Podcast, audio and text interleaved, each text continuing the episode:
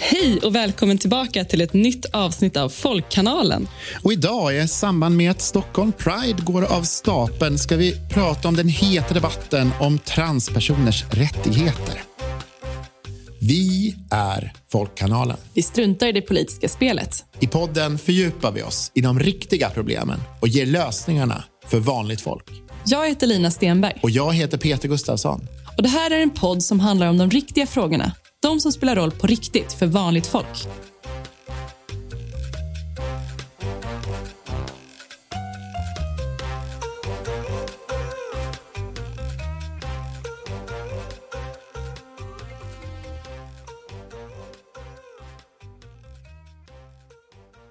Det är jag som är Lina. Och det är jag som är Peter. Idag ska vi prata om drag queens, könsbyten och varför transpersoners rättigheter plötsligt blivit en så het politisk fråga. Med oss för att diskutera detta har vi Martin Kandell som är jurist och politisk sakkunnig för organisationen RFSU. Välkommen. Ja, tack så mycket. Vill du berätta lite om RFSU och varför ni finns? Ja, um, jo, men vi grundades 1933 eh, av Elise Ottesen Jensen och uh, med syftet att jobba för sexuell reproduktiv hälsa och rättigheter. Uh, så uh, I år fyller vi 90 år och vi har väl jag tror att det är väldigt många som, vi är en väldigt känd organisation. Det är väldigt många som vet vilka vi är och har träffat oss i olika sammanhang. Vi är ofta ute i skolorna och pratar om eh, sexualupplysning och sådär. Eh, men vi har också varit med och eh, på något sätt varit inblandade i princip alla och tyckt till kring alla eh, sexualpolitiska reformer som har gjorts sedan 1933. Eh, om liksom, eh, eh, tillgång till preventivmedel, fri abort, eh, att eh, homosexualitet inte längre var olagligt, att det finns eh, sexualundervisning i skolan och så vidare. Varför är sexuella rättigheter viktiga hörnstenar för ett demokratiskt samhälle? Det är väl för att frågor om sex, sexualitet och kön är en jättestor del av att vara människa. Och att det är liksom någonting som är ja, men det, är, det, är viktigt eh, för, det är viktigt för människor och därför viktigt i, i, demokratin. Och Det är också en viktig fråga för jämställdhet som också är en förutsättning för liksom ett demokratiskt samhälle och att man ska eh, ha, kunna bestämma över sin egen kropp att eh, kunna göra abort om man behöver det, att ha kunskap om den egna kroppen och sexualiteten, att, att eh, eh kunna gifta sig och skaffa barn med den man är kär i oavsett kön. När det här avsnittet släpps så går ju Stockholm Pride av stapeln. Eh, och det är inte ovanligt att Pridefestivaler har ställts in. I Östeuropa så är det nästan mer regel än undantag. Och nu senast så ställdes ju festivalen faktiskt in i Oslo. Tror du att vi kommer att fira Pride i Stockholm nästa år? Det tror jag att vi kommer att göra. Alltså stödet för eh, hbtq i rörelsen i Sverige är ju starkt. Och även om det finns grupper som vill störa och hota eh, och så, där, så kommer de inte lyckas med det. I alla fall inte längden. Det är jag övertygad om. Det pågår en tillbakagång i världen där sexuella rättigheter trycks tillbaka av reaktionära politiska krafter. Kan du liksom beskriva vad det är som pågår och hur ska vi förstå den här trenden?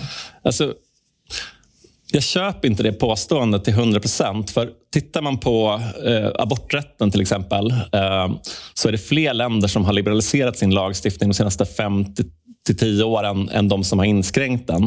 Eh, och det, det sker liksom tillbakagångar och särskilt eh, har det gjort det i eh, USA till exempel där som vi har liksom väldigt mycket bevakning kring. Men det, det är också väldigt mycket positivt som händer i världen, i Latinamerika till exempel. Så att det är det, det, är liksom inte en entydigt eh, negativ bild. och Jag tror att människor har en bild av att, att Eh, det är en negativare utveckling än vad det faktiskt är. Och liksom det gäller även eh, hbtq-rättigheter runt om i världen. Eh, så att, eh, mm. Är, det, är, det, är det vi som läser mer om de här negativa trenderna eller vad är det som gör att det, det, vi får ju känslan av att det är det här som, är, som händer? Ja, alltså det är jätteviktigt att man bevakar negativa utvecklingar i eh, eh, Polen till exempel, eller i Ungern eller eh, i USA. Sådär. Eh, sen är ju generellt så är det ju så att, att negativa nyheter får väldigt mycket mera eh, uppmärksamhet än, än, positiva nyheter. En positiv nyhet är liksom en, en, kort notis en dag. En negativ nyhet kan man liksom spinna vidare på en vecka. I Sverige så är det ju mycket rörelser långt ut på högerkanten och Sverigedemokraterna som ofta motsätter sig eh, sexuella rättigheter. Vi har haft hela den här diskussionen om regnbågsflaggor på offentliga byggnader och så vidare. Är det här harmlös eh, symbolpolitik eller hur ska, man, hur ska man se det när eh, man inte man halar ner eh, regnbågsflaggor och så? Alltså, jag tycker inte man kan avfärda det bara som eh, symbolpolitik. Utan jag tror att Ehm, man ska se det liksom i ett större sammanhang. Även om det kan liksom tyckas som en, en liten fråga kring en eh, flagga så är det liksom mycket mer av en stor och liksom organiserad rörelse som eh, jobbar mot eh, sexuella rättigheter och eh, som eh, liksom väljer ut frågor som de inriktar sig på eh, med jämna mellanrum. Liksom. Och ibland så är det, är det frågan om liksom, eh, drag queens på bibliotek. Ibland handlar det om om eh, kommunen ska hala en, en regnbågsflagga och ibland handlar det om någonting annat. Så det, det, och det är liksom rörelser som samarbetar i, i USA och Europa och sådär. Så det, och SD, mycket av det som de Eh, om man ska prata om SD, mycket av det som de eh, frågor som de lyfter har de liksom fått någon annanstans ifrån. Så det, är liksom, det är en del av en rörelse då det är samordnat. Så att, så att, ja.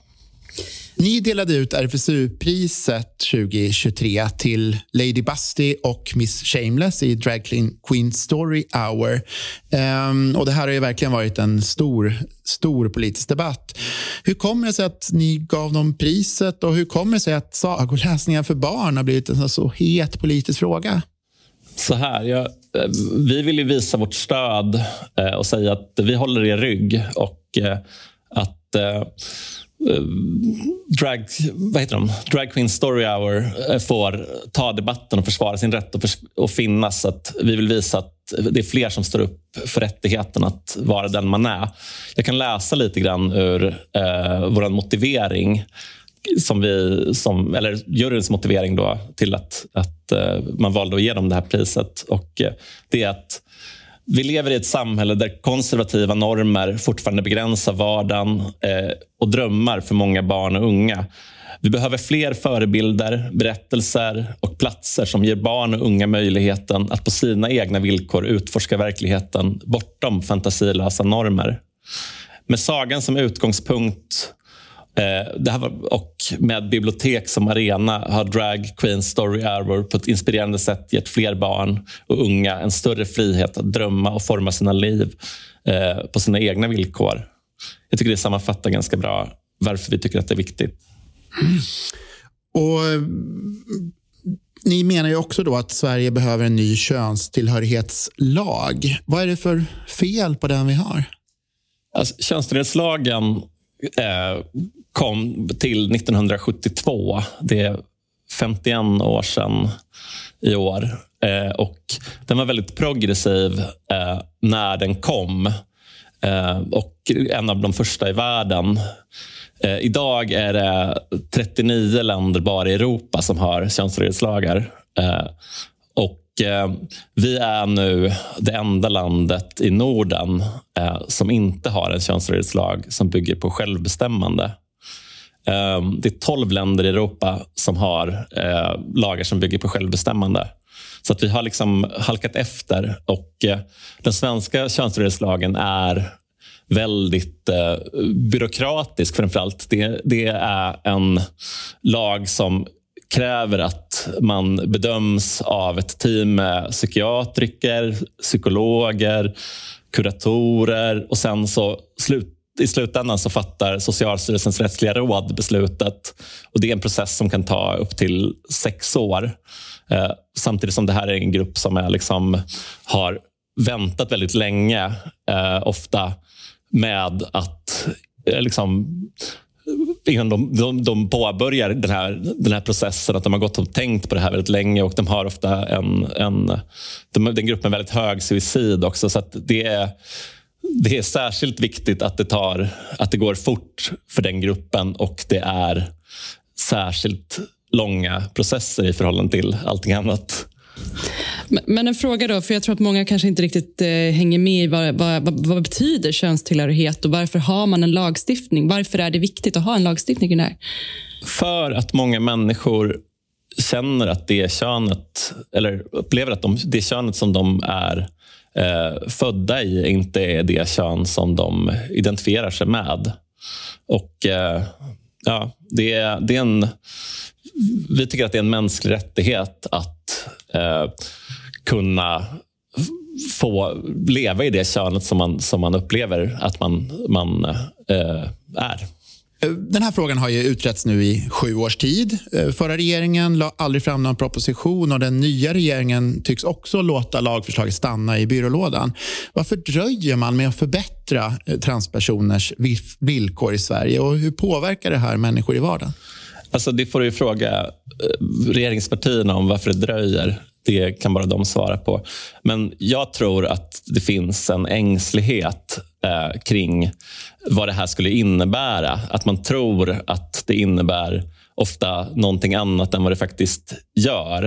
Eh, det finns väldigt mycket okunskap eh, kring vad, vilken skillnad det skulle vara att, att basera lagen på självbestämmande och ha en mindre byråkratisk process än man har eh, idag.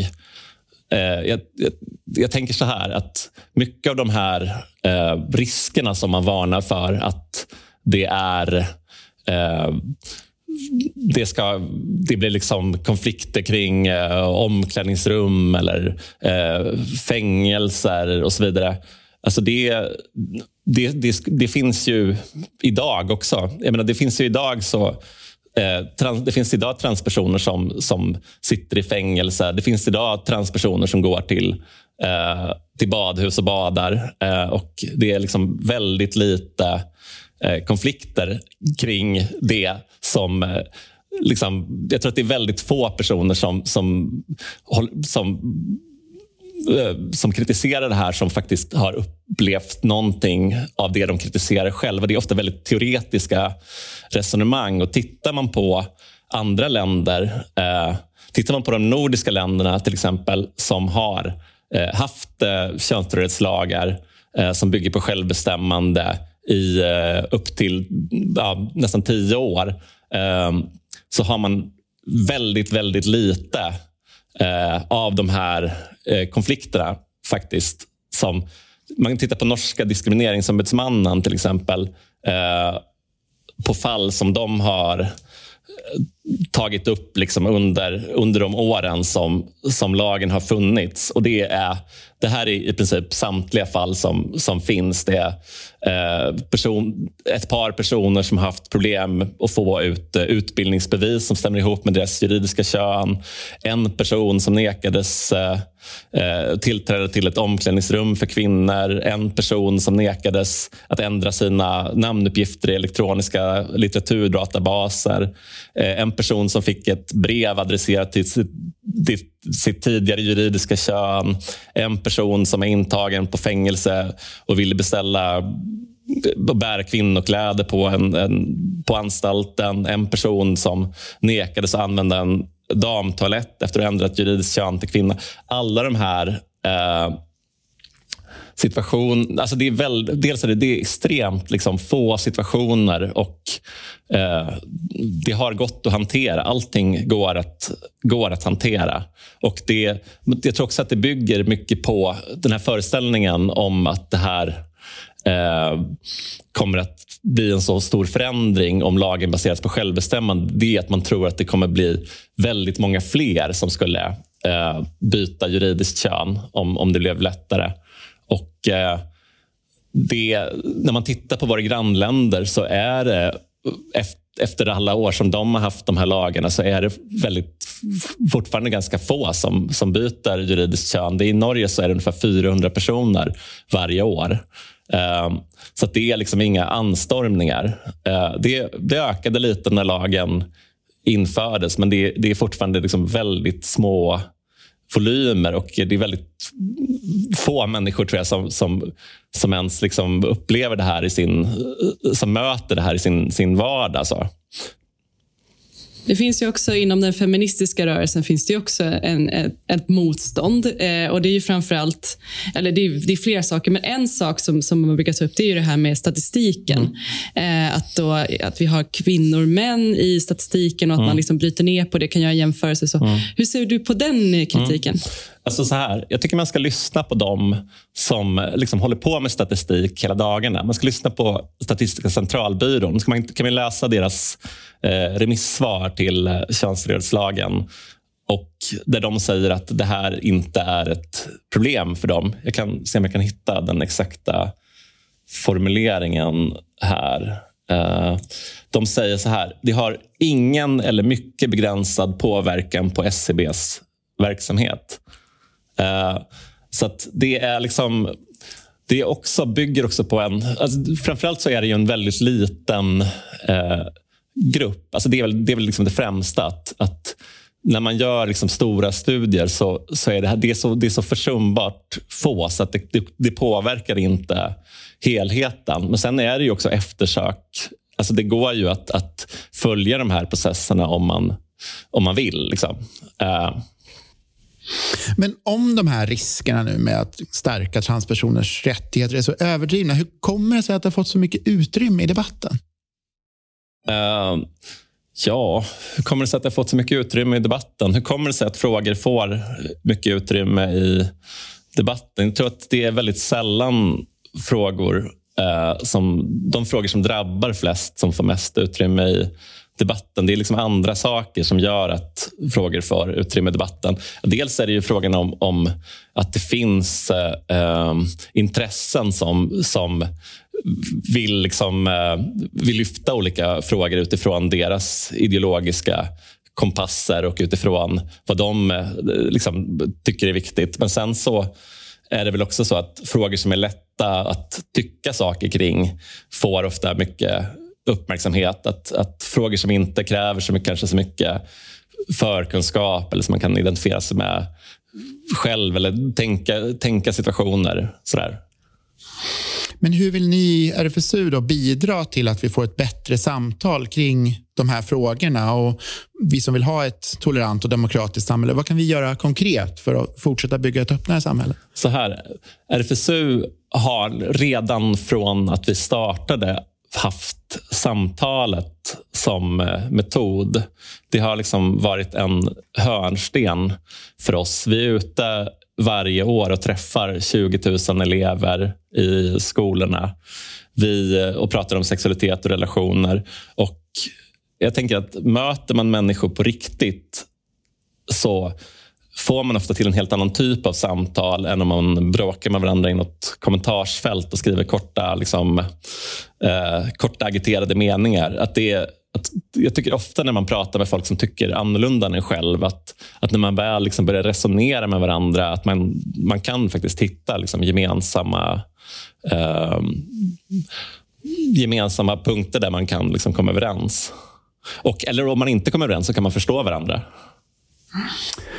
Där får vi avrunda. Tack så hemskt mycket Martin för ett väldigt givande samtal. Och Vad vi har pratat om idag är ju att om sexuella rättigheter som tappar mark på vissa håll, men som på vissa håll också stärks. Och där vi har en situation eh, där vi har en upphettad debatt kring många frågor, drag queens, könsbyten med mera. Men där vi kanske skulle behöva titta lite mer på de, den konkreta verkligheten och föra lite mer samtal i eh, samtalston. Så tack så hemskt mycket för det här samtalet. Tack för att du fick komma. Och eh, om du gillar vad du hör, tipsa andra om att lyssna. Dela och rekommendera podden. Vi finns där poddar finns. Och lämna gärna en kommentar eller en fråga i sociala medier där vi också finns. Eller kanske ett förslag på vad vi borde prata om härnäst i podden. Ha en fin vecka så hörs vi snart igen. Du har lyssnat på Folkkanalen, en podd för vanligt folk. Folkkanalen görs av Lina Stenberg och Peter Gustavsson. Och vi finns där poddar finns.